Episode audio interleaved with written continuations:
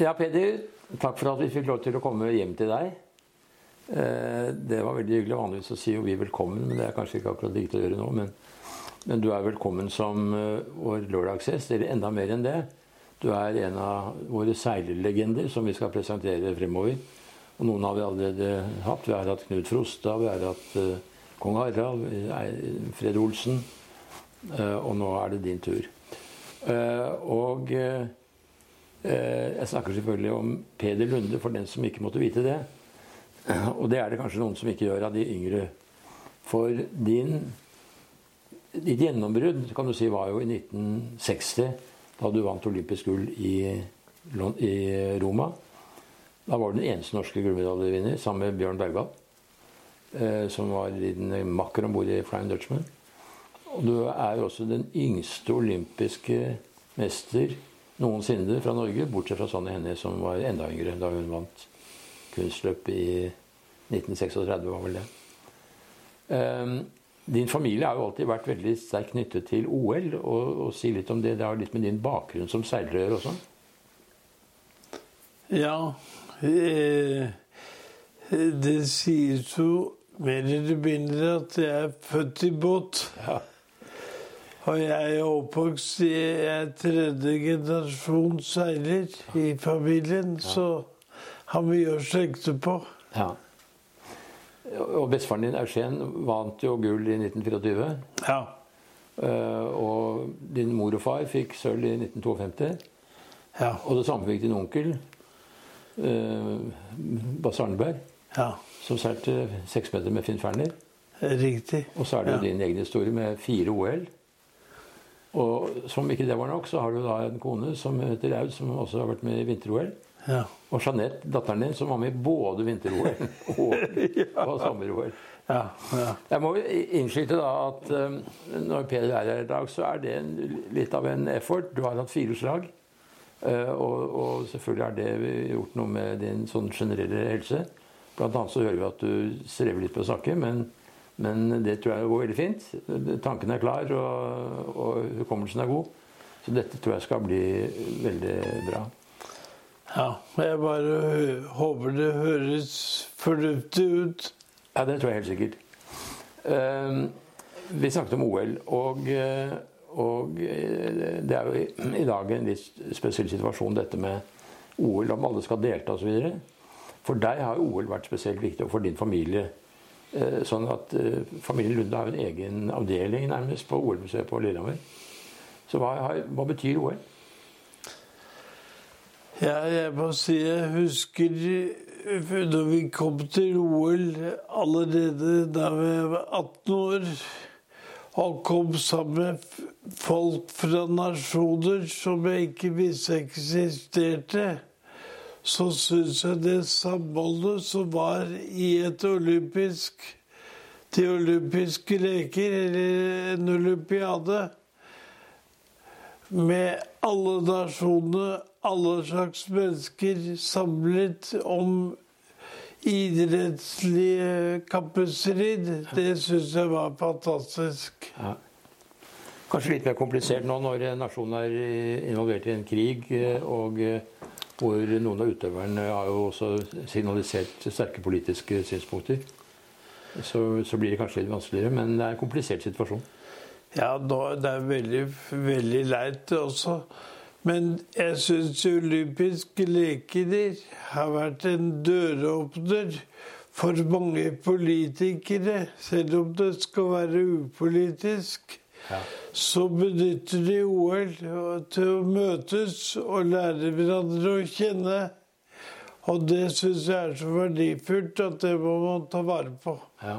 Det var vel noe sånt skal sies også en veldig fin døråpner for deg etter at du vant eh, OL-gull som 18-åring.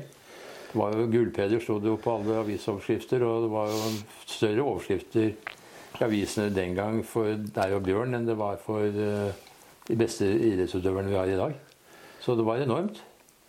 Ja, det var Vi ble jo ikke tatt ut i første hånd. Nei. Så vi kom jo dit som maskoter og var jo ikke favoritter eller noe særlig. Nei. Men vi hadde seilt mye, og vi hadde drevet all slags form for idrett og konkurrert mye. Men eh, i Napoli, der vi vant, så var vi i fysisk bedre form, tror jeg, enn våre konkurrenter. Og jeg tror det er en av forklaringene til at det gikk så bra. Ja. Du begynte å seile da selvfølgelig en del år før det, eh, og det var jo i Oslo. Hvordan, eh, hvordan oppsto det? Ja. Min far var i styret i KNS, og det var et jubileumslotteri eh, i begynnelsen av 50-årene hvor de loddet ut tre Oslo-joller og to Grimstad-joller. Og jeg husker far kom og slang en bunke med lodd på bordet og en trekningsliste og sa du får bla gjennom og se om jeg har vunnet noe. Og jeg var altså da ni år når vi vant denne Osøla, som var begynnelsen på min seiling. Ja, nettopp. Og da har vi hørt noen historier om eh, kullseiling med kona til Finn Ferner, og eh, at du forsvant fra småbåtdasseraten i Larvik uten å si fra og seilte alene hjem til Hankø eh, og sånne ting. Så du, jo, du klarte deg jo selv ganske tidlig, da. Ja, altså jeg var veldig ung, men vi levde jo bor i den Oslo-rolla. Mm. Og det var moro å seile den f.eks. uten ror for å balansere den bare ved seil og mm. vekstfordeling i båten. Så jeg tror jeg lærte veldig mye om seiling allerede i Oslo-jollen. Man kan si at Elvstrøm var på mange måter forut for sin tid. Han lanserte nye ting med seiling, med ristropper og henge ute og trene hjemme i vaskekjelleren osv. Med, med, med stativ. Du var vel også ganske tidlig ute med en del ting i norsk uh, seilsport. Og dette med fysisk trening var jo, var jo et mantra for deg. Uh, du satte i gang trening på idrettshøyskolen og gymsalene rundt omkring på, på skolene. Ehm, så det var jo med på å løfte norsk seiling da fra tidlig 60-tallet. Ja, nå var jo den båten vi seilte, Bjørn og jeg, Flying Dutchman, det var en av de første planene joller. Og med trapes som Flying Dutchman hadde, så var det ganske nytt. Og vi trente, og vi syntes jo det var veldig utfordrende å seile den i all slags vær. Men eh, den mestret vi da bedre enn disse andre utlendingene etter hvert. Ja, absolutt. Vi var inne på i sted hva, hva, OL har betydd for deg. Eh, og eh, hva vil du si? Liksom, hva, hva betydde OL? Hva, hva, gjorde det med de valgene du gjorde senere i livet? Du var 18 år og var jo nettopp i ferd med å komme ut og utdanne deg osv. Hadde OL ga det noen føringer på hvilken retning du skulle ta? Ja, jeg var jo sisteårsgymnasiast når jeg vant OL. Og da hadde jeg eh, gikk på handelsgym og hadde tenkt å fortsette med jussen. Men etter at vi vant OL, så fikk jeg stipend til å komme til Amerika og så studere. Og det var så bra at det sa jeg ja til, så jeg havnet der. Mm, mm, mm. Og i USA så skjedde det en god del med din seiling. Blant annet så har jeg lest et sted at eh, det var deg som introduserte Ted Turner til, eh, til seilsport. Han kom til deg fordi han ville lære å seile Flying Dutchman. Er det riktig? Ja. Altså Ted Turner, han som eh, startet CNN, han skrev til meg på universitetet og sa han syntes Flying Dutchman med trapes var så utfordrende, så han hadde kjøpt en sånn båt og hadde der nede i Atlanta. Og spurte om vi kunne seile sammen. Så han begynte å seile med den Flydurpen med meg der nede i Amerika. Og han ble jo så ivrig at han kjøpte en hel fabrikk for å bygge enda bedre flying Og han fortsatte jo sin seilkarriere med til slutt å vinne Amerikas cup, som er kjent. Mm, mm. Men det var en fantastisk kar. Jeg husker den gangen som han ikke Han gikk jo på universitetet sammen med meg. Så var hans store utfordring i livet, det var å være en, lave den første 24 timers nyhetskanalen på TV. Mm. Og det gjennomførte jeg da også. Mm, mm. Du møtte jo han senere i livet også på seilerarenaen, men det skal vi ikke snakke så veldig mye om nå. Men etter din utdannelse så kom du tilbake hit, og så drev du litt i bransjen og solgte båter. Og så laget du en helt ny båt for deg selv som het Trifold. Tvifor. Ja. Som, ble, som ble en veldig stor suksess, egentlig. Ja, fordi at uh, Flying Dutchman var jo en dobbeltpuddet båt, åpen seilbåt, som lett kullseilte. Men vi kunne rette den opp, og da vant, rant vannet ut. Mm. Og da var min, kom hjem, min teori at vi har jo kysten full av båter som ligger halvfulle av vann. Mm. Så jeg tok en patent på sånn dobbeltbundet landstedsbåt mm. Som het Triford. Og den uh, tegnet vi og bygget, og vi solgte 1200 stykker av den ja. i året. Så det mm. var veldig vellykket. Ja. Uh, men du fortsatte å seile, og dessverre så ble det ikke noe forsvar av gullmedaljen i Tokyo, for der ble du ikke tatt ut. Nei. Men så kom du skikkelig tilbake igjen fire år etterpå, i 68. Men da ikke med Flying Dutchman. Da hadde du valgt å seile Star. Hvorfor det? Nei, Det hadde seg slik at jeg bygget opp en fin Flying Dutchman-klasse i Norge. Men det, det gjorde for god jobb. Vi ble ikke tatt ut i Tokyo. Nei.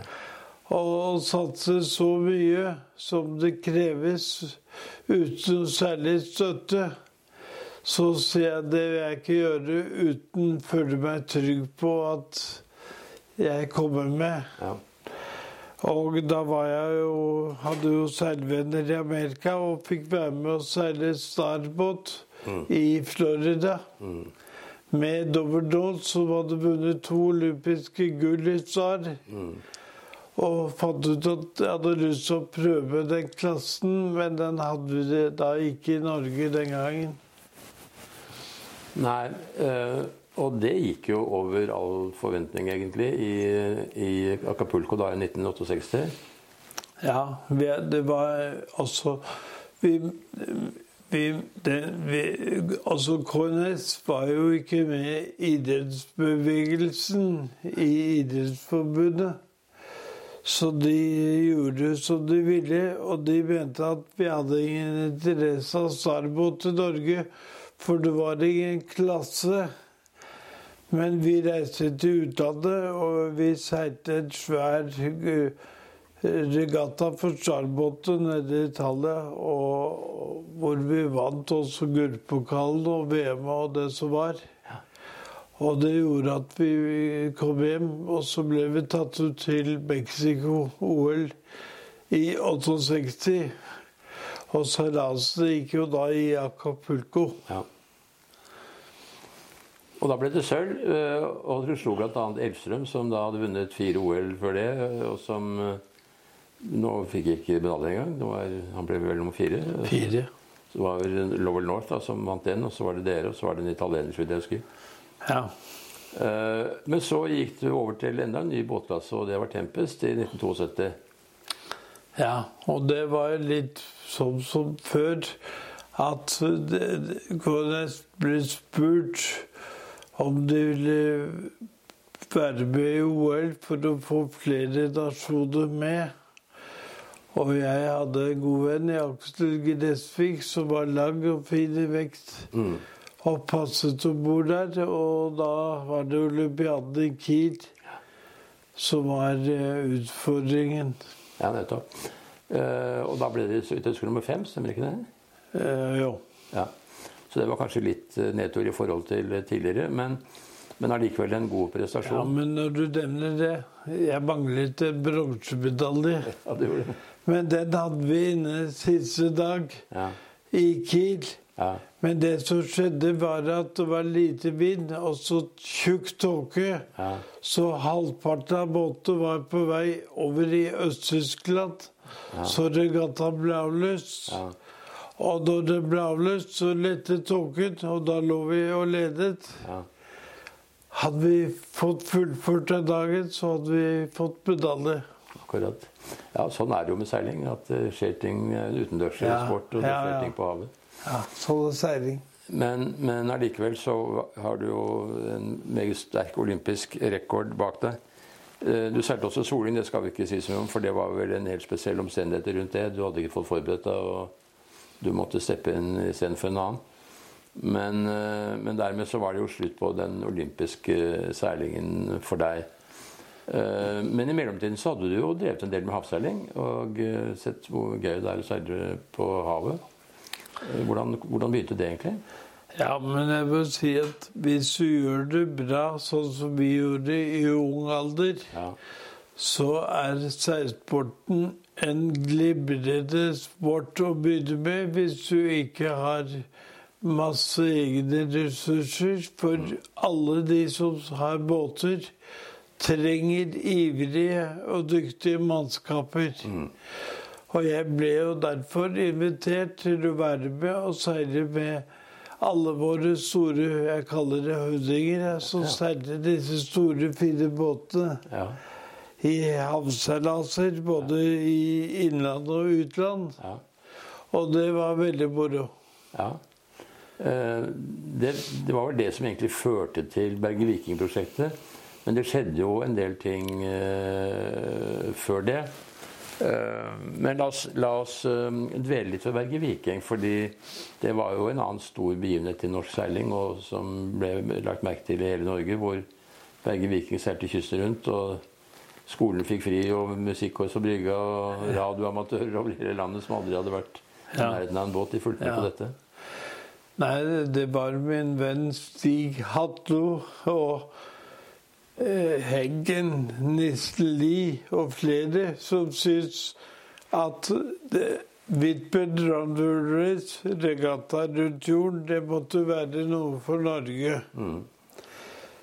Og eh, Stig tente på det og kom til meg og sa at han hadde en som ville kjøpe en eh, båt for formålet. Og så tenkte jeg at det kunne være moro å være med på litt av det.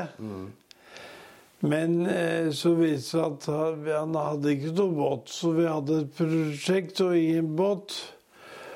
Så jeg ble veldig involvert i å reise Jeg vil si Jeg tror Norges første sånn sponsorprosjekt for en stor båt. Og eh, det ble da til Berge Viking-prosjektet, og det navnet sier jo da at Bergersen var en av våre hovedsponsorer, sammen med SAS og VG og flere med. Og det var en veldig morsom utfordring. Det sies at du var en streng skipper. Ja, jeg husker at vi hadde mm, Altså, vi hadde VG med oss som en av sponsorene.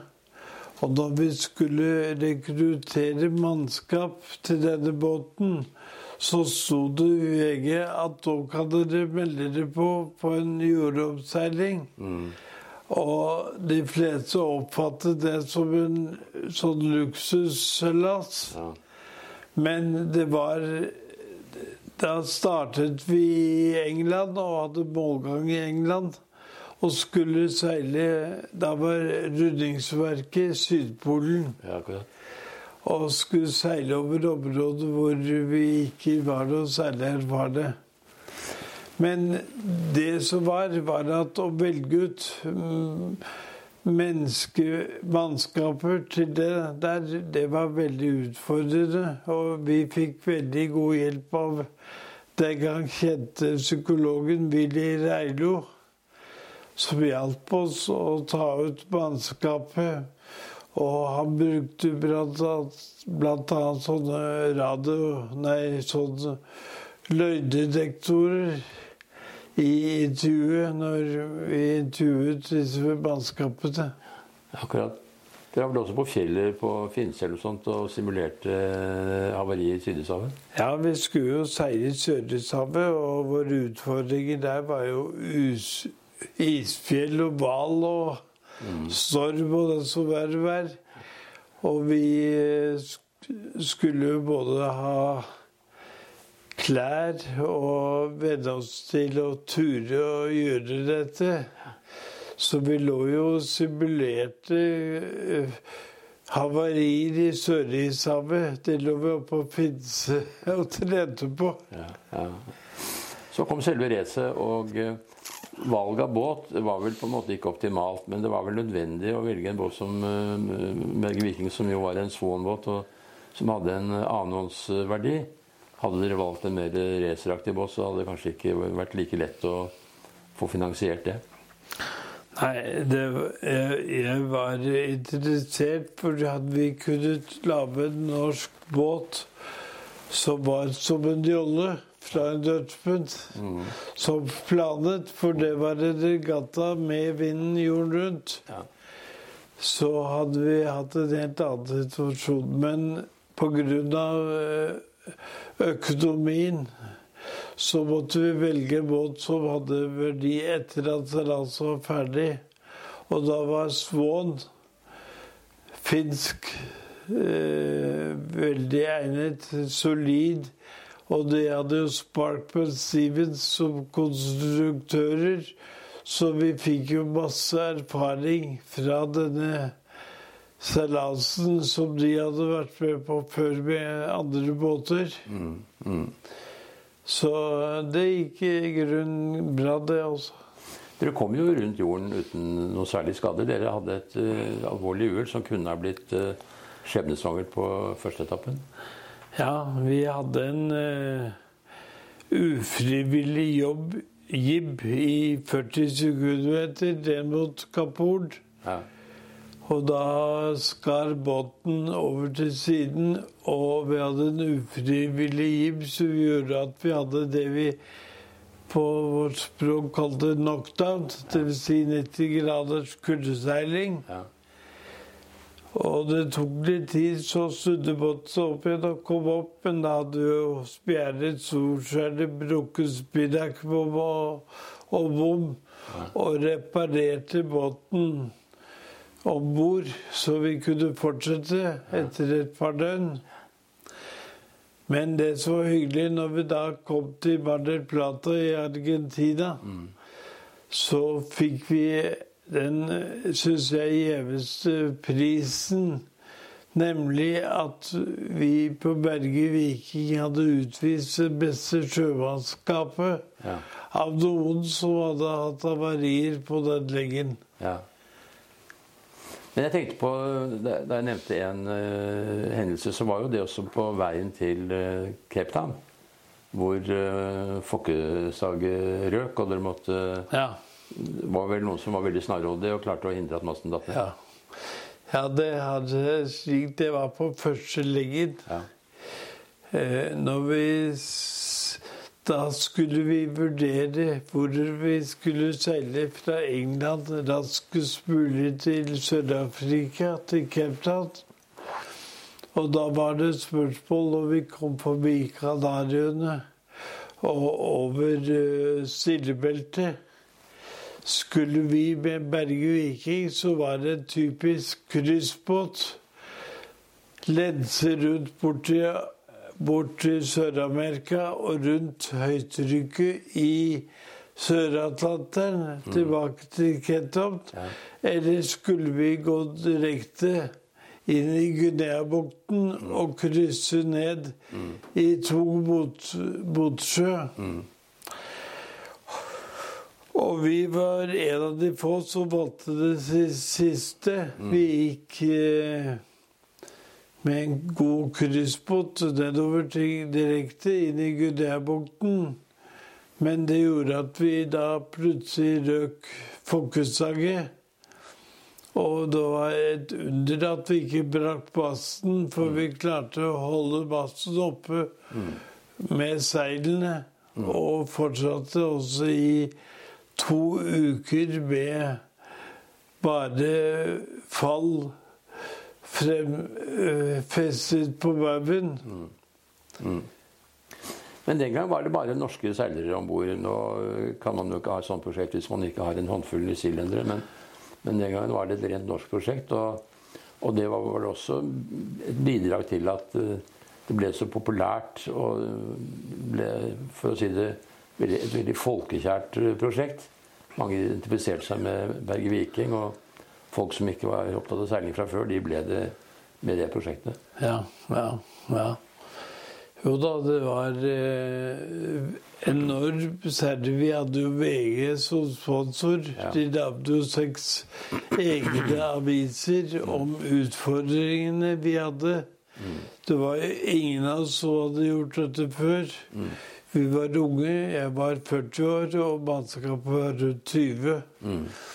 Og jeg husker da vi skulle starte, så sto mødrene til disse unge mannskapene og klappet meg på skulderen og sa 'Peder, nå må du ta godt vare på sønnen vår'. Men eh, når det er sagt, så vil jeg si vi fikk et fantastisk mannskap som ble veldig dyktige. Og de, når vi kom hjem etter denne seilasen, så var det jo så dyktige og var veldig populære mannskaper om bord hos alle andre som seilte store havseilaser. Hvor blant, blant annet flere havnet om bord hos kong Harald. Ja. Det var Et eksempel på hvor vellykket det var for alle deltakerne, var jo at 40 år etter eh, den gangen, så var det jo en stor samling for da, to år siden. Hvor nesten alle var med. Og det var mye hyggelige taler, husker jeg. Jeg fikk lov til å være med på det selv. Ja, ja, ja. Og, eh, så det var en stor hendelse, det også. Det er mange som har gode minner fra den turen. Jeg sa at du var streng, men det var vel fordi at du syntes du måtte ha en litt sånn streng kustus på et sånt lag. Eh, at de måtte uh, Fikk lov til å røke om bord, annet. Og de måtte trene ordentlig og eh, kunne ikke rangle hele natten når de var i land osv. Der var det vel ganske påpasselig at eh, det var en viss ordning. Ja, jeg følte jo et veldig ansvar for å fullføre dette uten noen skandaler. Og eh, det var nok av eksempler hos de andre båtene hvordan eh, det bar het, fordi de ikke var forberedt på hva de var med på. Men så, da Berge Viking-turen var over, hva, hva skjedde da? Hva, hva var ditt neste seilprosjekt? Nei, som følge av det så, eh, så hadde jeg vært med på by, da. Og da var det Et år var det i 84 at eh, eh, KDS hadde svær regatta på Hankø, hvor det var seks åttefots maksiretere som seilte alle de store regattaene rundt i verden. Og Hankø var da en av de. Og eh, da ble jeg spurt om å være kjentmann om bord i en sånn åttefoter. Og kom om bord i en amerikansk båt som het Nirvana, med Marvin Green. Og det var jo Det var Det gikk så bra eh, at jeg ble fast mannskap om bord på denne båten på alle de store regattaene i Sydney Hobart og Hongkong, Manila-reise. Stillehavet i- på Hawaii. I Mallorca, i Middelhavet. Alle disse store, klassiske regattaene ble jeg hentet inn til og var ansvarlig skipper for, disse, for denne båten. Og det var eh, Det varte i seks år. Ehm, ja, du var med på disse seilasene, og sånn sett så var du jo kanskje Norges første ordentlig proffseiler. Men særlig rik ble du ikke av det, så det var vel ikke pengepremiene som Nei, for å være proff så får du betalt for det. Men jeg fikk eh, dekket alle utgifter. ja, Men jeg fikk aldri betalt for å seile, nei. ja. Men det var likevel en veldig viktig del av din seilkarriere. Du opplevde noe nytt. Og, Ja. og igjen måtte du konkurrere mot Ted Turner. da. Der traff jeg Ted Turner. uh, ja, veldig mange andre amerikanske cupskippere som seilte på de andre båtene. Eh, Så det gikk, en, det gikk en god stund. Eh, Men så var det jo snakk om at Norge skulle stille lag i Admirals Cup. Og det var du også involvert i det da på slutten av 80-tallet. Ja. Jeg var jo med på Alt ble spurt å være med på. Veldig mye. Mm. Og Admirals Cup er jo en sånn eh, pokalseilas, veldig kjent. Ja. Men hvor du seiler i England med tre båter på laget. Og Norge fikk lyst til å være med der. Og stilte da et lag med bl.a.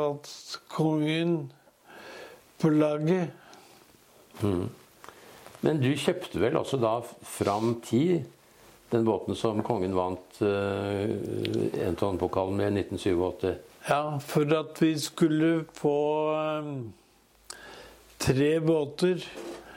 Så da hadde kong Harald vunnet VM med 85. Så ble den båten solgt til meg, og jeg fikk Hydro med som sponsor. Den båten het da Hydro. Ja. Kong Harald fikk en ny båt. ja. Og vi leide en tredje båt i England, slik at vi hadde lag. ja. Og det var jo ganske stort løft for KRS å reise så mange seilere til en sånn utfordring. Men Var det KNS som sto for finansielle innsatsen der? Nei, ikke finansielle, men det var en del av seilerne mm. selv som eh, finansierte det. Mm. Jeg har hoppet over en, et viktig kapittel også, nemlig Jan Goddagers prosjekt Lys og Hanke. Der var jo du også sentral som skipper. Han eh, hadde jo seilt med i Skåres flere år med en Swan. Ja. Og han fikk lyst til å Han fikk Eivind Amble til å tegne en norsk havstander. Og den skulle bygges i kaos Ja. og være med på det norske Admirals Cup-laget. Mm. Det var vel ikke halvtonner, men det var vel nærmest en totonner. Ja, det, det, han var 40 fot. Ja, 40, ja, 40 fot. Ja. Ja, riktig. Eh, så, så det gjorde dere altså da. Og, og, og da var det deg som var skipper på den båten. Og Jan Goddag var med, Eivind Ambel var med, og, og en rekke andre gode norske seilere. Og det var en, også et veldig vellykket prosjekt. Ja, det var jo For det første var det en helt norsk konstruert båt, bygget riktignok i England.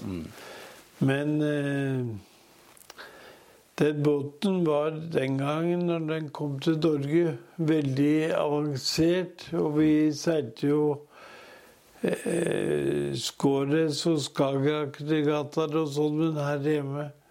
Og det med gode resultater. Så det vakte litt oppsikt. Ja. Ja, det var en veldig fin båt. Den er jo nå til salg, som du kanskje vet. Og det er jo flere av dine mannskaper som nå vurderer å kjøpe den og få den tilbake igjen til Norge. Det hadde vært veldig morsomt hvis det kunne skje, selvfølgelig. Ja. Ja da, den båten den havnet vel borti Amerika. Ja. Og nå er det snakk om å få den kjøpt tilbake til Norge. Ja. Og det ville vært hyggelig. ja. Det var en veldig vakker båt. Nå jo den, var jo det en YVR-båt og ville jo ikke være kompetitiv under alle de nye målereglene som man har i dag. Men eh, det hadde jo vært en veldig fin båt å, å få tilbake til eh, Norge. Når du nevner det, så er jo Havseilerklubben en avdeling av KNS. Har jo 75-årsjubileum i år. Stemmer det? Og uh, i den forbindelse så er det litt ekstra regattaer på Hankø. Ja. Og jeg må si at alle disse store båter trenger ivrige seilere som gode mannskap. Så er du interessert, så må de melde seg via sine seilforeninger og være med. Så er det plass til å være med på disse båtene. Ja. Det er riktig det. Det skal være flere store regattaer. Det skal være Hafton-mesterskap på Hanke nå. Det er jo da eh, 40 år siden det var eh, forrige gang på eh, Hanke. Ja. Så, så det er jo også en veldig stor eh, regatta, naturligvis. ja. Men eh, eh, så, så drev du også seilskole en periode. Og da kjøpte du jo Sunlight, som var en seilskolebåt. Ja. Men den kjøpte jeg som en familiebåt. Ja. Men jeg seilte så mye annet at jeg måtte aktivisere den, så jeg fikk en, instrukt, en skipper om bord der og tok med voksne folk på en ukes seiltur i Skagerrak. ja. Og jeg, grunnen til det er at jeg syns at eh, det var fornuftig at folk fikk noe de kalte båtførerprøven. Men at de skulle kunne få det uten å ha vært i båt, det syns jeg var litt dumt. Så vi hadde en uke kurs, og som de avsluttet med båtførerprøven. Og enda i dag så treffer jeg jo folk rundt som sier at den båten jeg hadde da, den hadde de lært å seile i. Og den båten har jo du hatt inntil ganske nylig. Ja. Men også med den så gjorde dere en regattamessig bragd. For der eh, var det med tolvskipsrace, eh, kvalifiserte som skoleskip. ja. Og hva skjedde der? Var, da hadde jeg nettopp kjøpt båten og laget denne seilskolen, Hankø seilskole. Og Tolvskips Race skulle gå fra Göteborg via Shetland, eller Fair Isle, og tilbake rundt Lidesnes med innkomst på ferjer. Og eh, med parade inn til Oslo og svære greier med alle disse store flyriggerne. Men det hadde seg slik at vi var den minste båten. Og vi lå litt bak da vi kom tilbake fra Shetland. Men så skulle de seile inn Oslofjorden, og da var det vindstille. Og de som ikke hadde greie på det, de la seg da i motstrømmen nedover utenfor Sørlandet. Og vi seilte da innaskjærs. Eh, og fikk en sånn kveldsbris. Og så seilte vi forbi alle de som lå ute i Skagerrak. Og kom inn og vant hele greia. Ja. Og det var vel da med Henrik Nissen Lie som eh, navigatør. Navigatør. Ja. Ja. Du har seilt en del med han også, bl.a. med halvtoneren hans. Eh, Det, det er også en morsom historie, så vidt jeg har hørt. Eh, ja. Kan du dele den med oss? Det var et flott eh, båtbyggeri i Risør. Kittelsen hadde bygget to sånne havtonere. Men eh, problemet er at de fikk aldri fullført båtene. Og vi skulle over til Skagen og seile Skåret.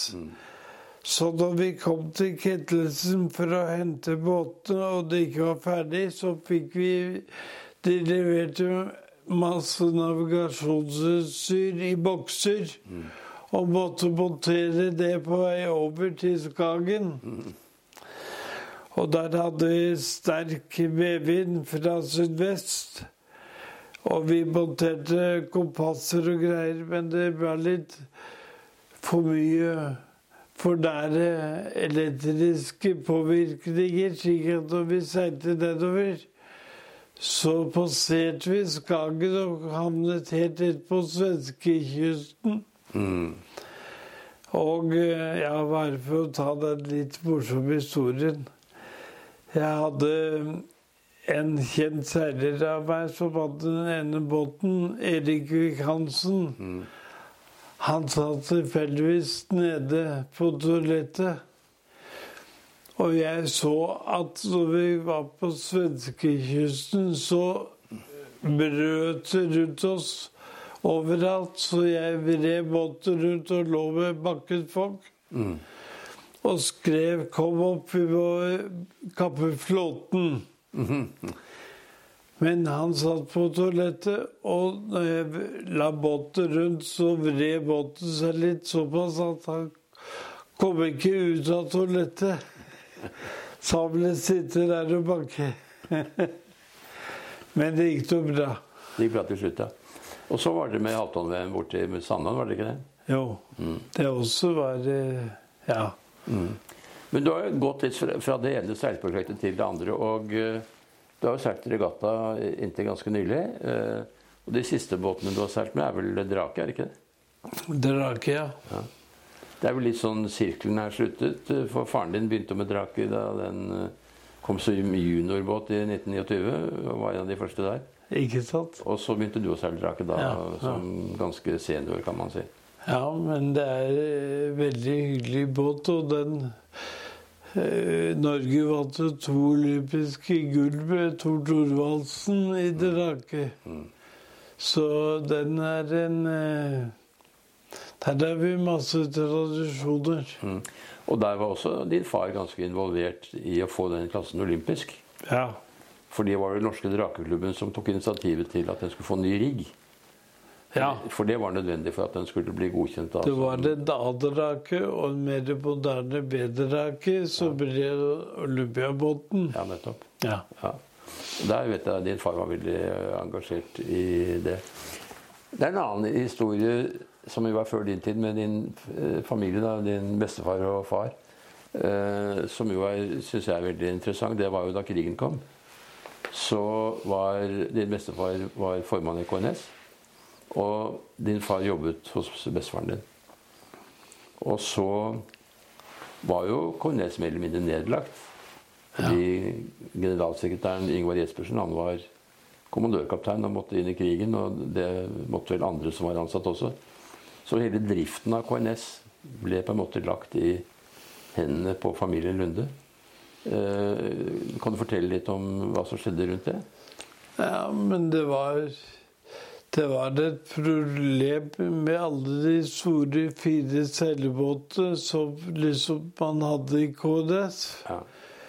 Fordi at eh, tyskerne var ute etter å få fatt på de for å ta kjølene og lage kuler. ja.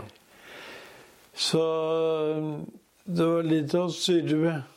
Ja. Bare få varslet eierne hvis det var snakk om at tyskerne skulle komme på raid. Ja. Eh, Og det lykkes man vel ganske godt, ikke minst takket være din bestefar. Da. Men det var jo en annen ting også som skjedde som har hatt veldig stor betydning for KNS siden. ja. Og det var jo på eiendomssiden, hvor, eh, ja. hvor eh, Ja, Ja, altså Dronningen lå jo der som en perle, men eh, det, det tok jo tyskerne. Men eh, så kom eiendommen i Hukavdy 1 Ja. inne på, på landsiden, opp for salg. Ja. Og da var ikke KDS styre beslutningsdyktige, så da kjøpte min bestefar den eiendommen. Ja. Som han da senere solgte til KNS etter krigen. Ja. Og det er jo blitt veldig bra for KNS å ha den eiendommen. Ja, den brukes jo hele tiden. Det er KNSs kontorer i dag, og det er eh, foredragssaler, og det er eh, mye som eh, skjer der. Men det er altså da takket være din bestefar, og din dels far også, tror jeg, som var med å finansiere den gangen. Så det var av veldig stor betydning. Men du har jo kombinert uh, tur- og regattaseiling, og kanskje i de senere årene så har det jo blitt uh, også ganske mye turseiling. Det var jo et spesielt prosjekt som var ganske omfattende. Det kan du fortelle litt om? Å ja, jeg bare sier at jeg vil gjerne si Folk vet jo det, men vi er så de som bor i Norge. Det er den herligste kysten og det beste forholdet Ja. å seile på tur i. ja. i hele verden. Ja. Men eh, den båten jeg hadde på Akershus høgskole, den er nå til 45 år. Og så, når vi ble pensjonister, min kone og jeg, så så vi etter noe i Middelhavet. Men det endte med at vi sa vi får ta båten ned dit og se om vi finner noe sted vi vil være. Ja. Og så planla jeg å seile den ned rundt, rundt Portugal og Spania. Men min kone ville ikke være med å seile på havet. Så hun nektet å være med på det, og da måtte jeg ta, planlegge å ta den båten gjennom Europa på elver og kanaler. Og det var et ganske spennende studium, så vi rigget båten ned i Polen. Og gikk inn i Rhinen og ned i Donau og ut i Svartehavet. Og så seilte vi hjem igjen via Marseille, opp kanaler, opp til Paris. Ja. Og Benelux og tilbake. Og det, båten var ute i åtte år. Ja. Men det var en fantastisk opplevelse. Det ble et fantastisk prosjekt som vi har skrevet om i Seilmagasinet. Eh, eh, Men dere reiste frem og tilbake, selvfølgelig, så dere fikk med det vinteren her og litt av sommeren også. Så dere tok det i etapper, men som du sier, det tok eh, lang tid. Og hva ble en stor opplevelse for dere begge to? Ja da. Eh, altså vi Det er ikke noe som er så bra som Norge om sommeren, og da er det for varmt i Middelhavet. Ja. Så vi la i båten. Vi brukte den én måned om våren, én måned om høsten. Ja. I åtte år. Ja. Og hadde 500 sluser på elver og kanaler. Ja. Og det var helt uforglemmelig tur. Ja, akkurat. Så man kan si at uh, seilsporten for deg har vært uh, selvfølgelig først og fremst regattaseiling, men, men også uh, turseiling, da, som du har hatt eh, mye glede av. Takk for at vi fikk denne praten med deg, Peder. Du har betydd veldig mye for norsk seilsport. Og jeg håper at de som ser på dette, kjenner igjen mange av de øyeblikkene som du har skapt. Tusen takk.